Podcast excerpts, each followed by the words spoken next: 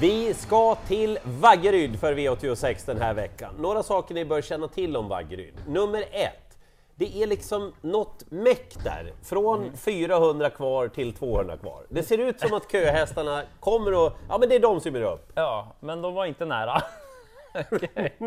Vi vet inte riktigt varför, och man spekulerar om det är doseringen på kurvan, banans utformning. Det är en jättestor fördel att vara med där framme. Ja, alltså. det är det. Även fast upploppet ändå är 200 meter, så det är lite längre än Solvallas till exempel. Men det, av någon anledning så, täthästarna har en fördel helt klart. Och en sak till, hästar som har tävlat tidigare på Vaggeryd är bra att plocka med. För underlaget Mattias, Ja, precis. Det är inte helt liksom enkelt för alla hästar, så det är bra de här som har funkat tidigare på det. ska vi köra? Det gör vi. Vi drar igång med ett jättelångt lopp med ganska få hästar i V86 första avdelning. Få hästar som startar och få som har en reell möjlighet att vinna.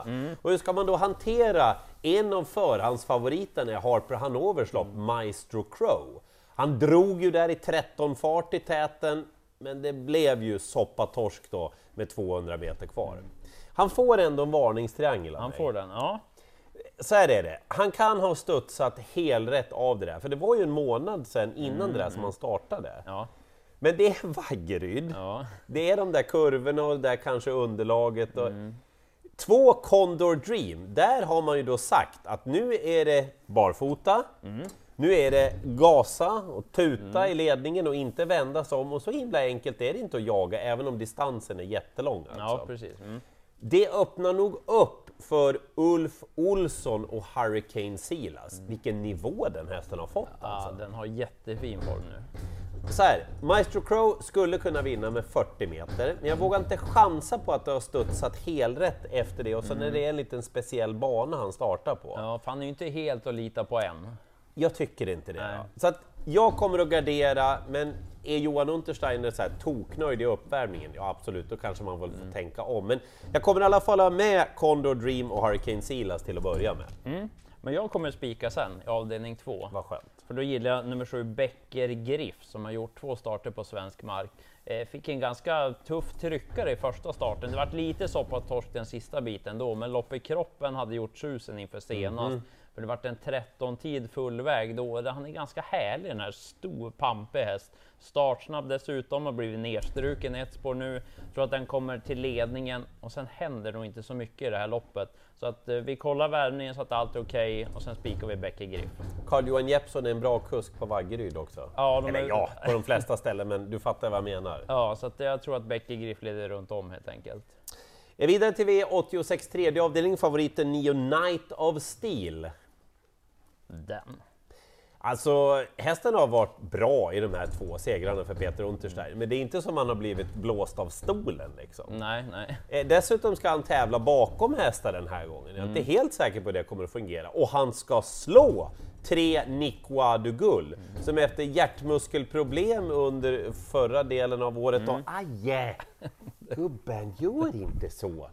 Kom tillbaka med dunder och brak senast. Jag pratade med Oskar Kjellin Blom, det var ju inte färdigkört på långa vägar. Nej, alltså. nej. Gått framåt med loppet, tränar bra, tävlar bra i täten då. Han liksom ser sådär härlig ut då. Det kommer att bli mycket spel på honom, många kommer att gå på honom också. Ja. Det finns ett orosmoment. Hon Låt heter höra. Emilia Leo. Aha, invändigt spår också. Och hon kör nummer två, Oak Tree Mm. Oliver. Och det där är sånt där, en härlig typ alltså. Mm. När han går i täten så bara... Han ska bara gå sträcker på undan för det. Ja, Mm, du mm. vet va? Ja, mm. Eh, dessutom säger tränaren då att nu är det amerikansk sulky, Ja. av med alla skor, pratade med Leo, Ja. klar plus-variant alltså. Ja, mm. Så att den är spännande. De där två ska ju favoriten jaga i kapp. Så jag, Lät inte helt enkelt. jag tror inte det på Vaggeryd över kort mm. distans. Och sen då ett Fantom Ima. Spännande att Jerry Redan kastar bakskorna på den Mm. här stora lufsen den här gången. Tror inte den kan försvara någon ledning eller så. Man kan skrälla. Jag stannar där. Apropå jaga hästar då sen, det ska ju Namaste göra, favoriten i V86 4 sen. Eh, finalist i Drottning Silvias pokal. Mm, väldigt fin häst, men har ju en lite knepig uppgift den här gången. Står alltså med ensam på 40 meters tillägg. Sen är det lång distans också, 2640 meter.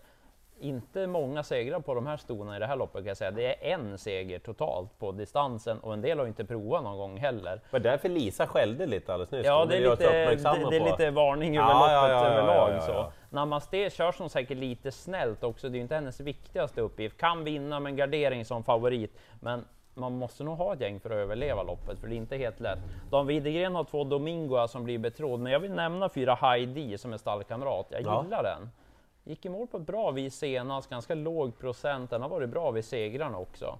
Men det finns fler skallar. Vill du ha ett gäng till? Alltså, men vadå, det här är det jättebred gardering. Ja, alltså. många kan skrälla. Åtta Hazy Shade of Winter, inte som bäst senast, men hon var ute i ett Breeders Crown-lopp den gången. Har ju mött väldigt bra hästar. André Eklunds stallform, de har ju börjat komma igång igen. Haft några sjuka hästar, men nu är de verkligen på gång igen. Och så tre Nashi Håleryd.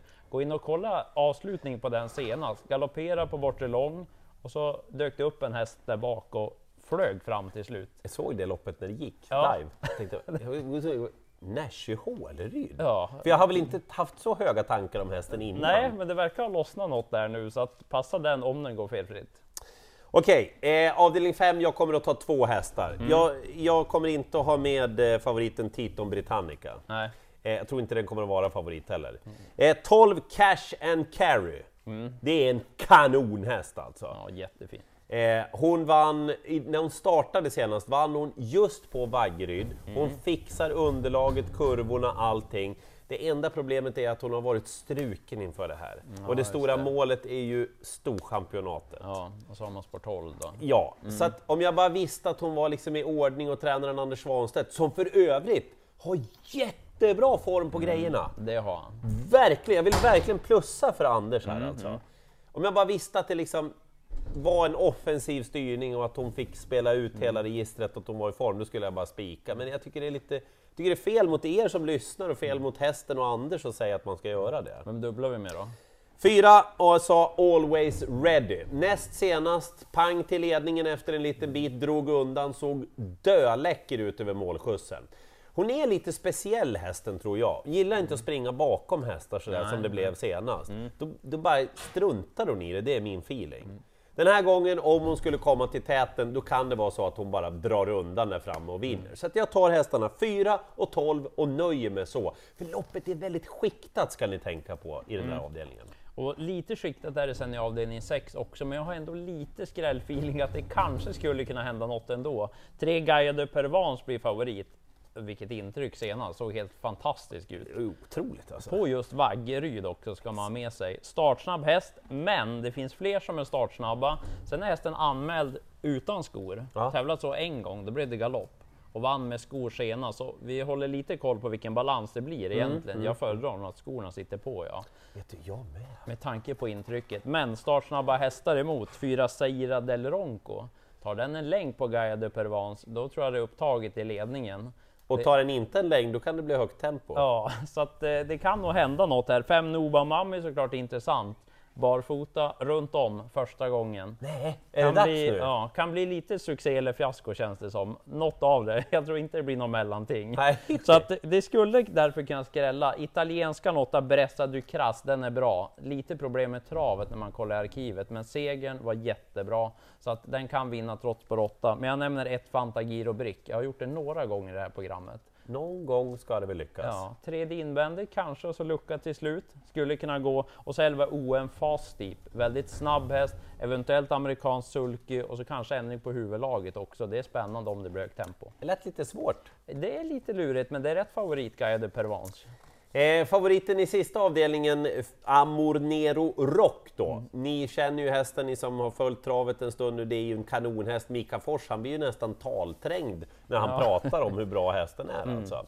Eh, från stallet är man inne på att det blev lite för mycket i uppladdningen senast och att det var därför han galopperade. Mm. Okej. Man kommer säga åt Mika Fors att ta det lite lugnare den här gången Mm. och då ska han gå felfritt. Men han är inte explosiv första biten. Han är en sån där som liksom maler ner dem och kommer till täten efter Mm. en bit.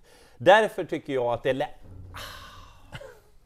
läge att gardera den här gången. Och det gör jag framförallt med Nio Tabasco CD. Så himla fin senast alltså. När man får den här spelprocenten då är det ju automatgardering alltså. Ja, han är bra. Det är ju en ruskigt läcker Polle alltså. 5 Go West Young Man tycker han har bra form hela tiden. Stefan Pettersson, ja men det är tummen upp.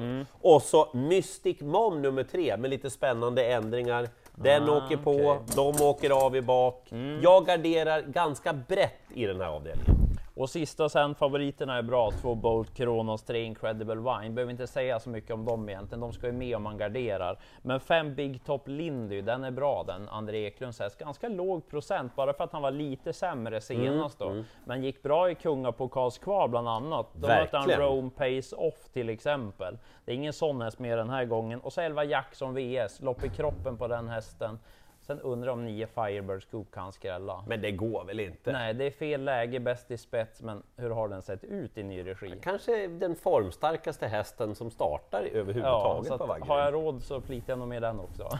Ni hör, det är eh, bett i tipsen Ja. eh, den här gången, men det är inte så enkelt på långa vägar. Följ värmningarna, följ uppsnacket på ATG.se och framförallt lycka till i jakten på alla åtta rätt.